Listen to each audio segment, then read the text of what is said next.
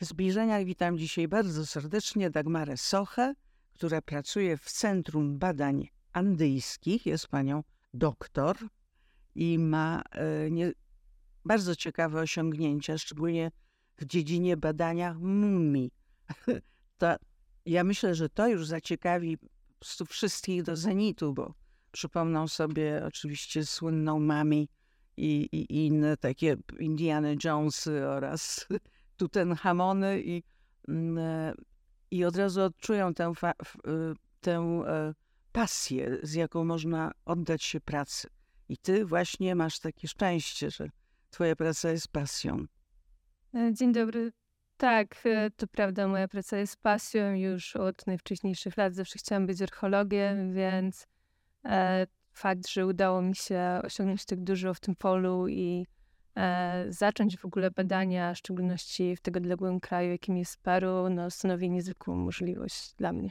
Bardzo skromnie to określiłeś. No, masz ogromny sukces na skalę światową, tak jak i e, twój wydział, prawda? Jest w stylu znakomitych zupełnie fachowców, e, archeologów, antropologów. Co to takiego jest e, w tych dwóch naukach, że, że szczególnie Polacy E, i chyba jeszcze Skandynawowie, tak, Niemcy i tak dalej, im, im e, jakby bardziej na północ, tym lepiej, że, że właśnie z tych krajów osoby, naukowcy, mm, tak dobrze, rzetelnie pracują. No jeżeli chodzi o archeologię warszawską, to tutaj no, mam bardzo długą szkołę zapoczątkowaną jeszcze przez Kazimierza Michałowskiego, który jeździł do Egiptu i od tego tak naprawdę zaczęła się E, taka światowa polska archeologia. E, no i następnie e, był rozwijany dzisiaj Wydział Archeologii, także archeolodzy pracujący w Centrum Badań Andyjskich albo w Centrum Badań Śródziemnomorskich mają swoje badania w najprzeróżniejszych krajach, od Afryki przez Azję aż po Amerykę Południową. Czyli można powiedzieć, że to ta wielkość polskiej archeologii i antropologii zaczęła się od życia seksualnego dzikich. E, na pewno e, tutaj e, słynne dzieło wspomniała Malinowskim. Tak, Malinowskiego miało swój duży udział, jeżeli chodzi o pobudzenie tej wyobraźni zbiorowej Polaków do tych wypraw poza nasz kontynent. Mhm. E, no tutaj też, no nie tylko jakby antropolodzy, też e, na przykład ja w dzieciństwie zaczytywałam się w powieściach Alfreda Sztkalskiego, Tomku Wilmowski, który również opisywał bardzo dokładnie. Ale zaczęło się od National Geographic, y, który mhm. dostałeś w prezencie od dziadka. Czy jakiś szczególny artykuł tam cię tak zainfekował? E, tak, to prawda. W drugim wydaniu polskiego National Geographic, które e, się ukazało i które zakupił dla mnie mój dziadek, ukazał się właśnie wywiad e, z Johannem Reinhardtem o mumiach, które w tym czasie odkrył w Argentynie. E, no i po przeczytaniu go byłam zafascynowana całym tym tematem, strasznie nawet zazdrosna o to, jak e, wspaniałe osiągnięcia tam i znaleziska udało się odkryć podczas tych wypraw i zawsze marzyłam o tym, że może pewnego dnia mi również e, uda się tam. A ile lat miałaś wtedy, kiedy zetknęłaś się z mumiami? E, znaczy na, no chyba 12, tak mi się wydaje. Jakoś to nie wiem, czy wcześnie. chłopaków przerażałaś, czy przyciągałaś? Spytali się, no co ty robisz, grasz piłkę tego, a ty mówisz, zajmuję się mumiami. E, no tak, zawsze, zawsze w szkole uchodziłam właśnie za taką osobę, która bardzo dużo czyta, bardzo interesuje się historią. E, no i tak mi zostało, tak, ta pasja potem rozwijana, e, czytane kolejne książki i tak to się kontynuowało przez kolejne lata. Mm, ja gratuluję Ci tego sukcesu międzynarodowego, tak bym to ujęła. Szczególnie jeśli chodzi o teren Inków w Peru bo tam e, ostatnio skoncentrowałaś swoje badania. Dlaczego akurat tam? Dlaczego akurat mumie Inków i Peru e, i ten obszar e, andyjski? Dlaczego kultura Nazaka? Dobrze Nazca. mówię? Nazca. Nazca. Nas? Nazca. Mhm. Może się... Ona za dużo tych nas. Powiedz, dlaczego akurat kultura tego obszaru Andy, mm, Peru. Dlaczego akurat to miejsce tak cię przyciągnęło? Czy tam już dokonano jakichś odkryć, y, no nie wiem, czy na miarę tych współczesnych, do których ty się przyłożyłaś? E, no na pewno przyczyniły się do tego te odkrycia Johanna Reinhardta z lat 90. E, natomiast no, cały obszar e, Peru i północnego Chile no, jest bardzo bogaty kulturowo, co zawsze mnie fascynowało. Te warunki zachowania szczątków e, archeologicznych są no, niezwykłe w skali światowej. E, na pustyni Nazca właśnie, gdzie miałam okazję pracować w jednym z projektów archeologicznych prowadzonych przez włoską misję. E, no warunki są tak niesamowite, że wszystko, co wyrzucimy tam, no nigdy się nie rozłoży, tak? Po prostu wszystko mumifikuje się naturalnie. No i dzięki temu te możliwości badawcze są dużo szersze niż. E, w zwykłych przypadkach, ponieważ no, mamy dużo szerszy materiał archeologiczny, który no, pozwala nam osiągnąć dużo więcej informacji z nich wyciągnąć na podstawie różnych analiz, które mhm. E, prowadzimy. No to jest takie bardzo ogólne, więcej informacji, to aż nam się nie śni, e, ile z tych informacji, ilu specjalistów, ile technik, aby dobrze zbadać mumie, to są właściwie prace nad genetyką, nad wszystkim. To coś takiego fajnego powiedziałeś, że mumie to są kapsuły czasu.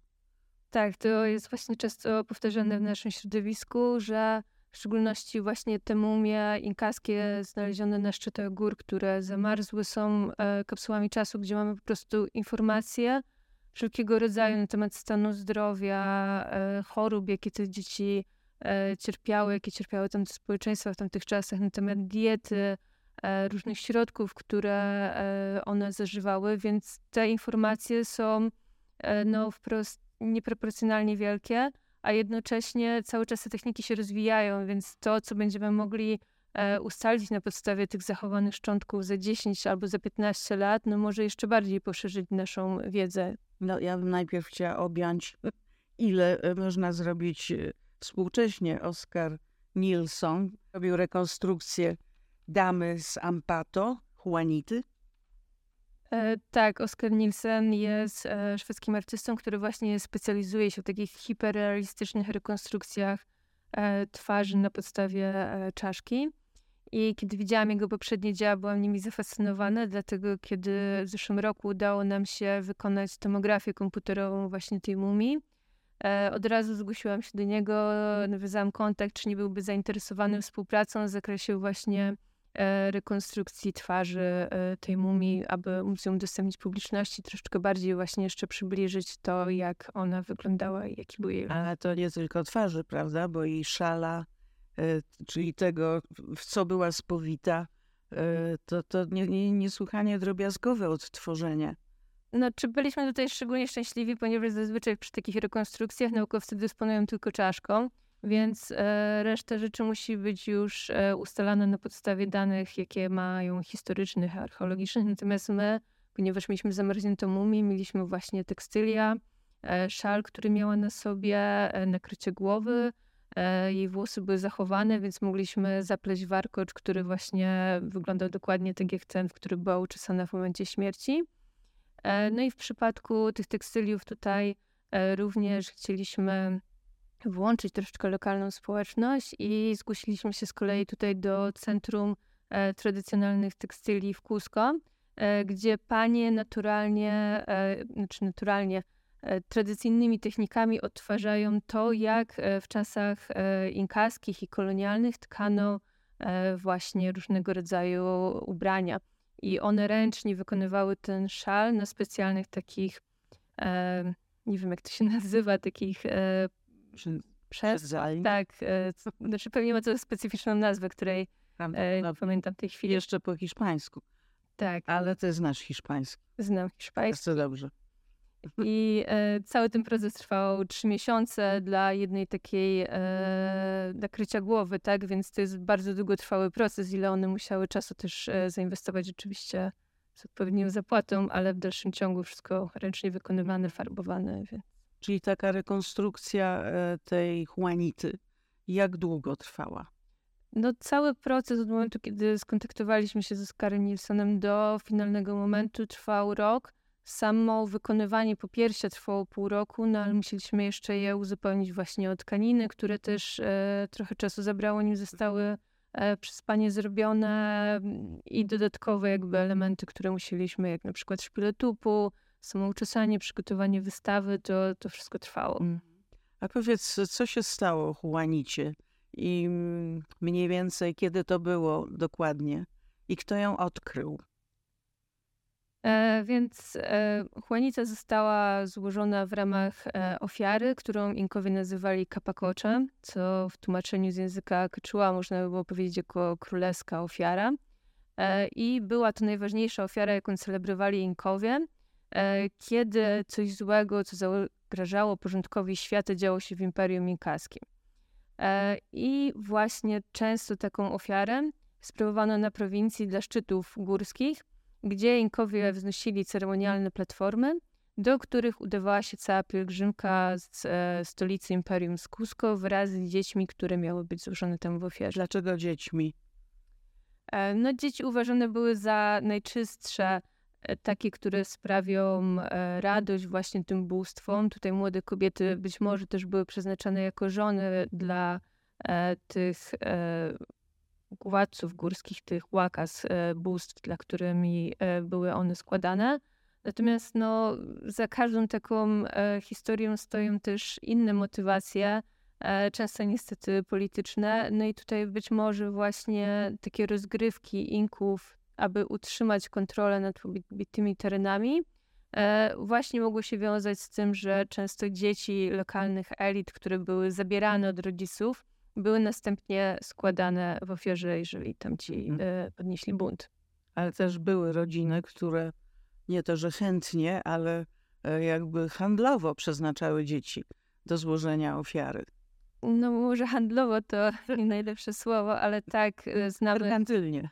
tak, z, z, z, e, z źródeł kronikarskich e, informacje o tym właśnie, jak rodzice zgłosili sami swoją córkę, tantę Karułę, aby Inkowie złożyli ją w ofierze na pobliskim wzgórzu od ich wioski i ona udała się do Cusco, następnie wróciła i później Inkowie wybudowali kanał irygacyjny, a członkowie jej rodziny stali się osobami związanymi z jej kultem, więc jednocześnie cała rodzina podniosła swój status społeczny i zapewniła wiosce dostęp do e, świeżej wody, która mogła być używana do nawadniania pól, więc mogła być to oczywiście transakcja. Ale ta znach ukazywała im się ta dziewczynka.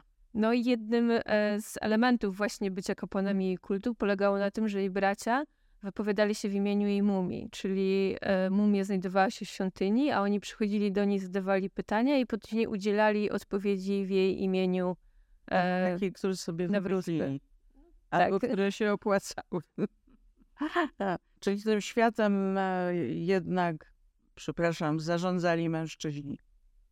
Znaczy, kobiety posiadały dosyć istotną rolę, jeżeli chodzi o kwestie religijne. Tutaj żona Inki Koja również posiadała e, bardzo ważne funkcje. E, no tutaj ten świat też nie jest do końca nam znany ze względu na to, że często on był ukazywany e, oczami późniejszych konkwistadorów i jednak męskich kronikarzy, więc część tych informacji niestety zaginęła.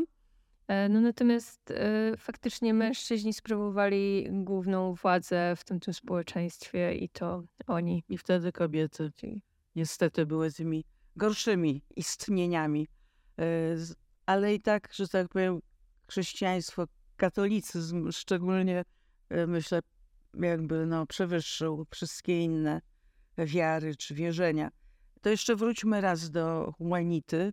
E, Jak długo szedł ten orszak? W jakim ona była stanie? Kto jej towarzyszył? Bo wiem, że wy, ty masz w planie chyba zbadać e, taką jedną z najwyższych, to się nazywa przys, przystań, ponieważ taka podróż do złożenia ofiary e, miała liczne przystanie, tak? Tak, znaczy Platformy, przystanie, przystanki. przystanki, tak? Znaczy No. To były takie zajazdy jakby przy drodze, tak? Że była wbudowana droga inkaska i wzdłuż niej znajdowały się stacje przystankowe.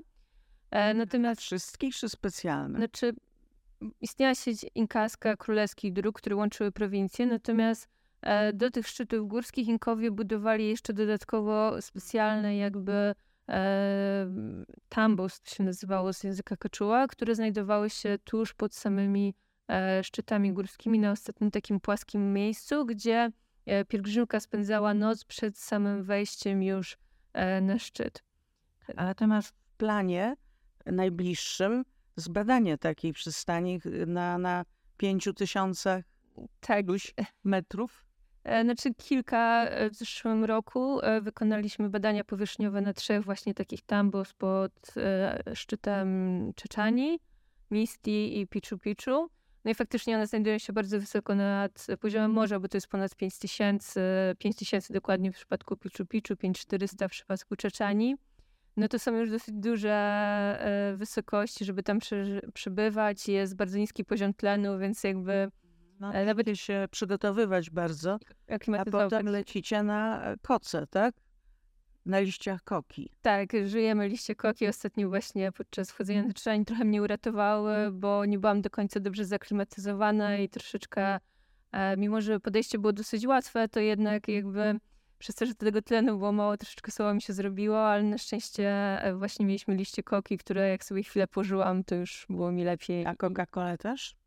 Znaczy Coca-Cola no jest, e, już teraz nie ma liści koki i kokainy, jak to było dawniej, e, no ale ma dużo cukru, więc też ją pijemy, no bo to pomaga jakby w wysiłku w wysokich górach. Nie ma tak, przepraszam, nie reklamujemy produktu zachodniego.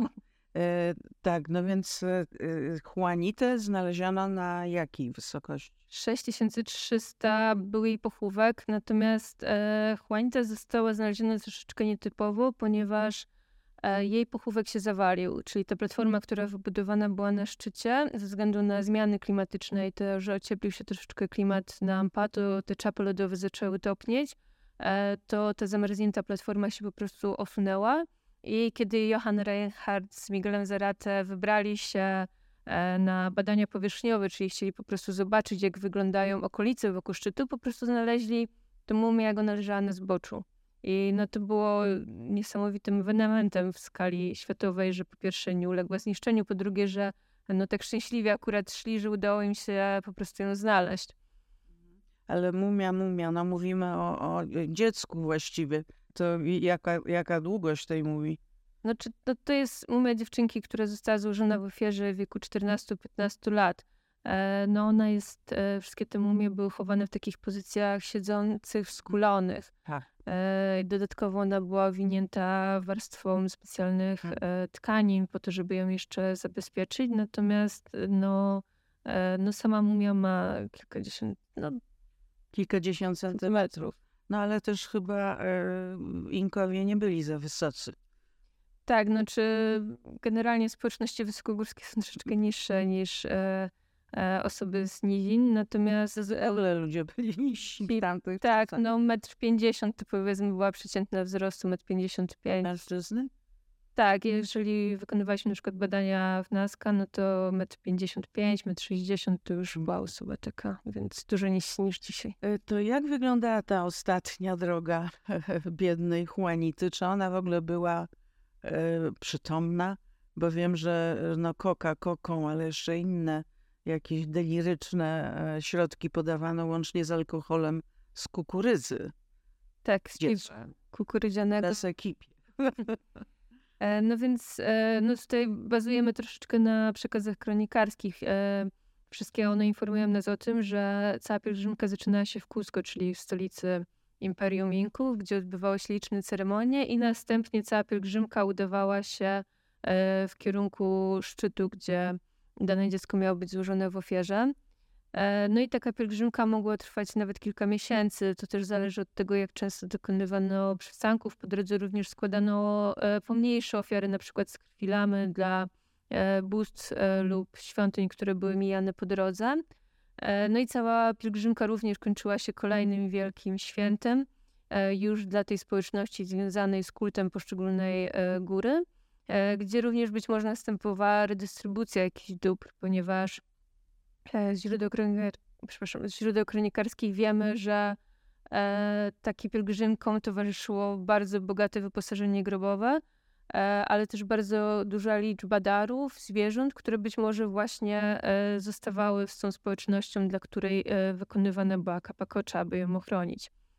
Więc być może część tych darów zostawała z nimi, natomiast część chowano wraz z ofiarami na szczycie. Jeżeli chodzi... Ofiarami? Bo mówimy Ofiarami tutaj... dziećmi dziećmi, ale teraz konkretnie mówimy o, o Juanicie, to, tak. to było jedno dziecko i ten cały orszak towarzyszył jej tylko. Znaczy, no, czy, czy, przepraszam, grupowo też? Znaczy, były grupowe e, kapakocze niestety. No, jedną z takich największych odkrytych do tej pory była ta, która zlokalizowana była na szczycie Misti. I tam w ramach ofiary Inkowie zużyli aż dziewięcioro dzieci naraz w ofierze, znaczy prawdopodobnie naraz w ofierze, w dwóch grobach, e, trzy dziewczynki, sześciu chłopców.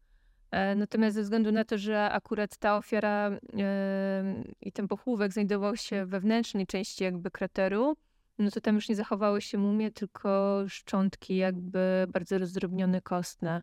Ale towarzyszyli temu szamani, czy nie wiem, zacni obywatele? No skoro te dzieci miały, musiały być wyjątkowe, piękne, z dobrej rodziny, e, nieskalane i, i tak dalej, to, to czym się wyróżniali ci Orszakowicze?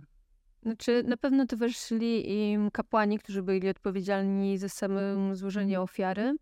E, zdaniem niektórych kronikarzy również rodzice tych ofiar e, udawali się z nimi w tą pielgrzymkę i towarzyszyli właśnie swoim dzieciom aż do samego szczytu.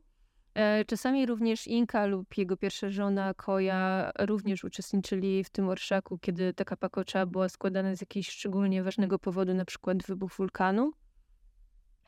No i oczywiście lokalne społeczności. No i tutaj one się zmieniały w ramach przechodzenia przez e, granice poszczególnych ziem. I no też było pewną formą jakby wyznaczania tej własności ziemskiej, że dana społeczność przychodziła i niosła e, rzeczy przeznaczone na ofiarę i towarzyszyła właśnie tym dzieciom, tak długo jak ciągnęły się granice ich ziemi i następnie była wymieniana przez e, kolejną grupę. W porywach mogło e, towarzyszyć takiemu jednemu, biednemu dziecku. No to są szacunki, które nie są do końca znane. Temu też mają służyć te badania, które chcemy przeprowadzić na tych ostatnich stacjach, jak wiele osób mogło uczestniczyć. E, z tych wstępnych analiz wynika, że 100-200 osób nawet mogło e, dochodzić do tego ostatniego przystanku, natomiast no już samą drogę na ten szczyt prawdopodobnie pokonywała e, mniejsza liczba osób, ponieważ no, takie warunki spinaczkowe no, na pewno nie pozwalały na to. A dużo było ofiar wśród ofiarowujących. o tym jakoś bym też chętnie posłuchała. Oczywiście y, ja trochę ironizuję, bo y, cóż, nie da się zajrzeć do umysłu tych ludzi, e, szamanów, e, obywateli. To, to musi być jakaś totalna kulturowa obcość, e, a szczególnie dzieci. Na szczęście dzieci były zwykle upajane tak, do tych stanów euforycznych i nie wiedziały, co się z nimi dzieje. Czy od początku, a już szczególnie w tej ostatniej fazie, tak? Znaczy, no tutaj też e, właśnie badania toksykologiczne, które wykonywaliśmy e, nie dla Juanity, ale dla dwójki innych dzieci, którzy też zostały złożone w ofierze na Ampato, tylko poniżej jakby tego miejsca, ponieważ Juanita została złożona tuż koło samego szczytu. Natomiast drugi obszar ceremonialny znajdował się na płaskowyżu na 5800, i tam zostało odkryte jeszcze trójka dzieci, które również została złożona w ofierze.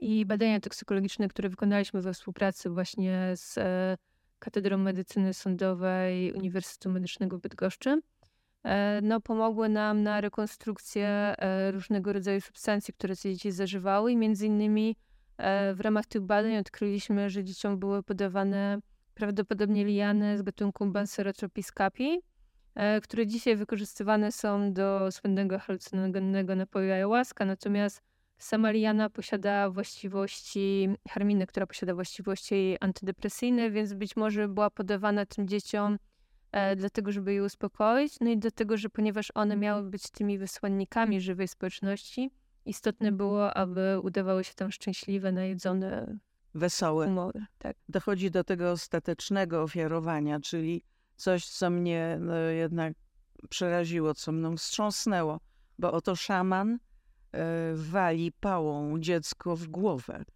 Oczywiście pocieszamy się, że dziecko nic nie czuje już albo prawie nic nie czuje, a na pewno nie jest świadome, że zaraz zostanie. Czy te dzieci w ogóle wiedziały, co je spotka? No, ciężko powiedzieć, na ile im to tłumaczono. Prawdopodobnie mówiono, że udadzą się do bogów, że to wielki zaszczyt dla całej rodziny, więc być może nie były do końca świadome, z czym to się wiąże. Aniołków i to na chmurce polecą łagodnie, tak? No tutaj no, starsze dzieci być może były nieco bardziej świadome, bo właśnie często tutaj jest spotykany ten sposób e, zabijania ich właśnie przez to uderzenie w bok głowy, no ale też są inne przykłady, na przykład z Jojaku, gdzie te dzieci z kolei były durzane alkoholem, właśnie liściami koki. No i tam prawdopodobnie one były pochowane żywcem z kolei i po prostu zamarzły na tej górze. Żywcem. Hmm. E, no, ale e, sama wspomniałaś przed naszą e, rozmową, że również odkryto takie późniejsze ofiary, tak? Górnicy. Czy była informacja o tym, że jakby po tym, jak Hiszpanii już podbili Imperium Inkaskie i zakazali tego typu praktyk, w dalszym ciągu jakby ludzie próbowali ich dokonywać i był jeden przypadek właśnie, kiedy E, górnicy zanieśli dziewczynkę i zostawili dziecko właśnie w kopalni e, jako ofiarę, no i potem została ona przez przypadek odnaleziona i uratowana. Czyli samo sobie, bez środków odurzających. Znaczy, no tutaj nie mamy dokładnych informacji. No tak, bo jeszcze wyjaśnijmy, że no, jeśli chodzi o, o tę epokę Inków, no to nie było przekazów pisemnych. No tak, tutaj mamy ten system KIP-u, który był pismem węzełkowym, natomiast no, nie został on jeszcze dotychczas e, do końca odszyfrowany. Nie wiemy, jak skomplikowane wiadomości można było za jego pomocą przenosić. No i też niestety duża część tych kipu została zniszczona w okresie konkwisty. Czy to współcześnie również e, istnieje? Czy to funkcjonuje? Nie mówię tylko o samym Peru czy Andach, ale na świecie? Czy dalej ofiarowuje się e, jakieś istoty? Bo ja nie mówię oczywiście o tej całej kulturze wikingów, gdzie też ludzi ofiarowywano, też e, zachwyconych, że mogą się e, jakby poddać tej ofierze. Natomiast co z tego później pozostało? Czy współcześnie jeszcze gdzieś to jest praktykowane? W jakiejś innej kulturze być może? Jeżeli chodzi o Peru, to jakby w dalszym ciągu składa się te ofiary pagos e, dla bóstw e, górskich. Nawet my, kiedy przyjeżdżamy na wykopaliska, to zawsze wylewamy kieliszek jakiegoś mocniejszego alkoholu i e, chowamy parę liści koki pod jakiś kamień dla bóstw, żeby w ten sposób też pokazać e, no, lokalnym społecznościom, że my szanujemy tradycje, że szanujemy e, tutaj te bóstwa górskie, które pomimo, że no, jakby wszyscy są tym katolikami, no to jednak E, w dalszym ciągu te wierzenia się tam e, przemykają. No i ten, to składanie ofiar jest tam no już oczywiście nie, nie z ludzi, ale nawet ze zwierząt jakby w dalszym ciągu się pojawia. E, jeżeli pójdziemy na targ w Cusco albo w Arequipie, to możemy na przykład kupić płody lamy, które następnie można sobie zakopać przed domem, no i to zapewni nam pomyślność. Hmm. Sprawdzone? Oczywiście. Czyli wiara katolicka jakoś nie koliduje z tym, że sobie zakopujemy kopyta lamy. To wszystko się łączy. Na łapkę królika. Przykład bardzo ciekawe jest święto przesilenia letniego Intirami, które odbywa się w Cusco, czy zimowego, bo nas jest wtedy letnie. E, I kiedy w czasach inkaskich E, wnoszono mumie przodków i one ustawiane były na głównym placu w Cusco, natomiast teraz przywozi się mumie świętych z wszystkich, nie mumie świętych, tylko e, figury świętych z wszystkich okolicznych kościołów mhm. i one po prostu e, idą wraz z korowodem osób przybranych, tańcerzy i jest wielka fiesta na głównym placu w Cusco, więc to wszystko jest bardzo żywe, no z tym, że troszeczkę podmianka nastąpiła z Mm. E, mumii przodka na, na świętego Pawła. Ta tradycja e, ofiarowania no, jest bardzo silna. Nie wiem, jak, jakie były takie pra, pra początki według was, naukowców, bo oczywiście możemy uznać e, tutaj jako źródło Biblię i ofiarowania biblijne i to największe, czyli Jezusa. E, ale no, przyznam, że mm, te, te jednak y, dziecięce ofiary y, robią jakieś no, niezwykle smutne wrażenie. E, oddają obraz psychiczny tych ludzi, e, moralny, no, w jakimś przedziwnym świetle. Ja wiem, nie możemy ich oceniać, bo przecież oni nie dzisiaj byli wychowani, nie przeczytali te, tego, co my. Oni żyli w tamtych czasach, w jakimś takim kokonie tamtych czasów. Może to nie było takie strasznie złe. Ale gdzie to się zaczęło tak naprawdę? No to ciężko powiedzieć. Jakby ofiary ludzkie przewijały się przez historię ludzkości tak naprawdę od samych początków. E, tutaj jak wcześniej sięgał ten zwyczaj, no nie możemy powiedzieć, na przykład istnieją e, bardzo wczesne pochówki, nawet dzieci, które są uznawane za e, pochówki szamańskie jeszcze właśnie z obszarów Europy. E, czy tutaj e, Azji. E, więc cała ta praktyka jakby istniała od dłuższego czasu. Nawet sam ten motyw, że dzieci są najczystszym, najświętszym rodzajem ofiary, która u Inków sprawiała, że były składane w ofierze dla bóstw. No tutaj możemy na przykład porównać to do krucjaty dziecięcej, gdzie również Kościół katolicki uznał, że jeżeli wyślą dzieci ze względu na ich czyste serduszka, jakby odrobią... Zamęczą, zagłodzą, za batorzą i, i wrzucą do morza. No tak. Nie wiem, czy były obrazy większego okrucieństwa, no oczywiście oprócz nazistów, e, niż te krucjaty dziecięce. E, ale wracając jeszcze do tego, może rozweselę trochę ten obraz, e, do tych e, tradycji, którymi ty się zajmujesz, e, Inków, to czy czy te, te ofiarowywania w ogóle się wiązały w jakikolwiek sposób z życiem seksualnym tamtej społeczności? Czy były jakieś akcenty erotyczne? Znaczy, tutaj można powiedzieć, że wręcz przeciwnie, od tych dzieci wymagano e, zachowania, znaczy w przypadku dzieci jest oczywiste dziewictwa. W mówię o, o dzieciach, mówię o tych młodych kobietach. Manach upojonych. No tutaj jakby nie mamy takich informacji, ponieważ kiedy Hiszpanie przyszli, oni próbowali to wszystko e, wykorzenić, więc e, jakby te informacje na temat samego kultu często e, no niestety są nam już niedostępne ze względu na to, że dużo rzeczy nie zapisywano, dużo rzeczy zostało zniszczonych w okresie konkwisty.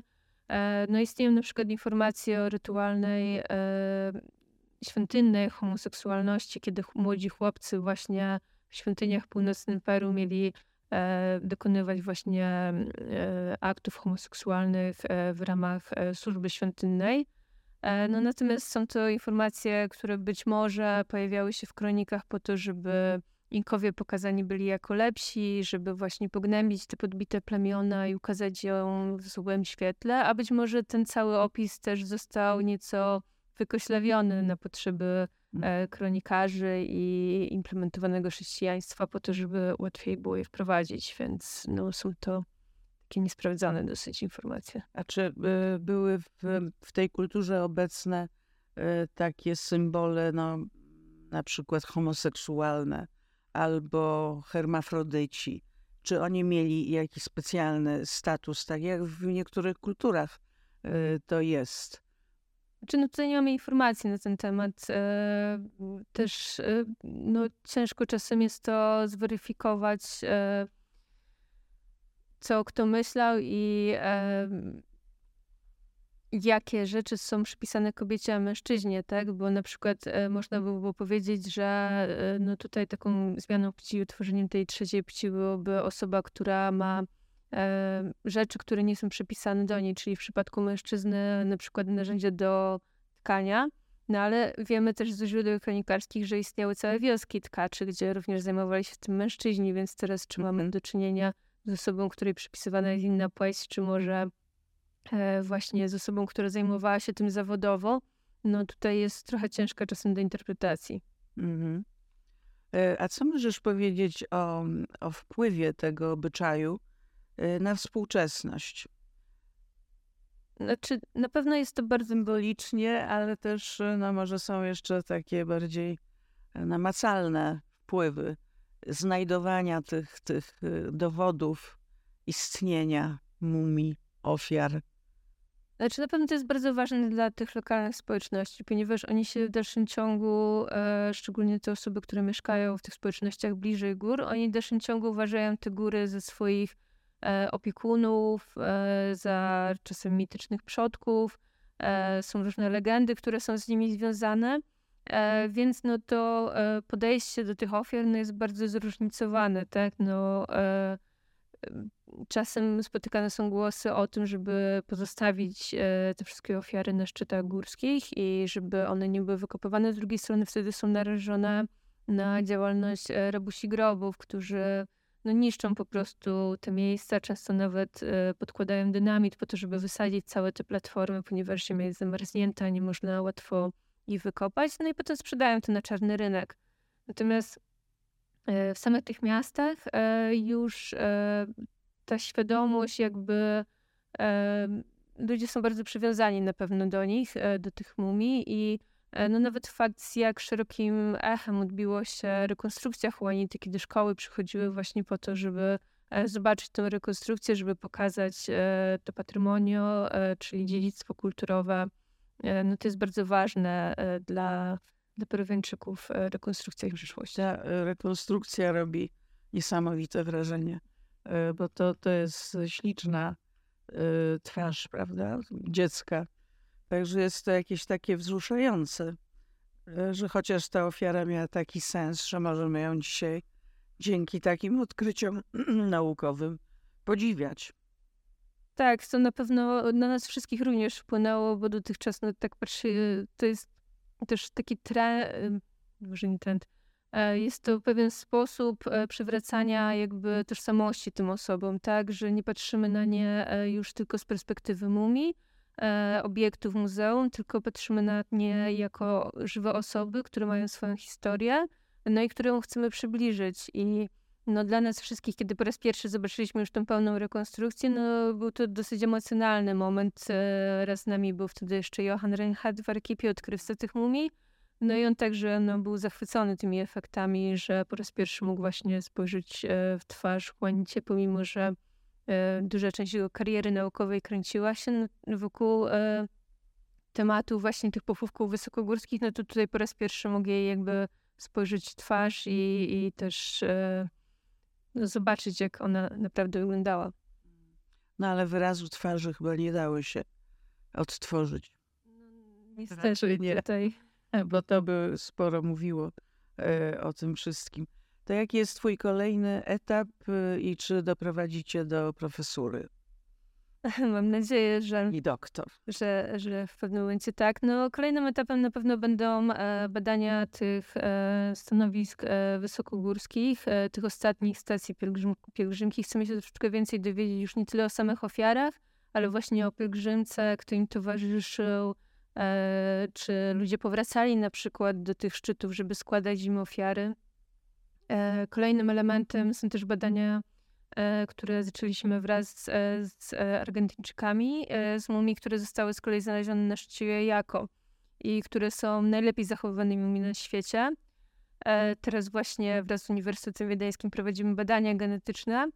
No i tutaj no, zachwyt był niebywały, ponieważ te próbki okazały się tak dobrze zachowane, DNA, że ono jest w zasadzie takie jak współczesne, że tutaj nie nastąpiły żadne procesy dekompozycyjne.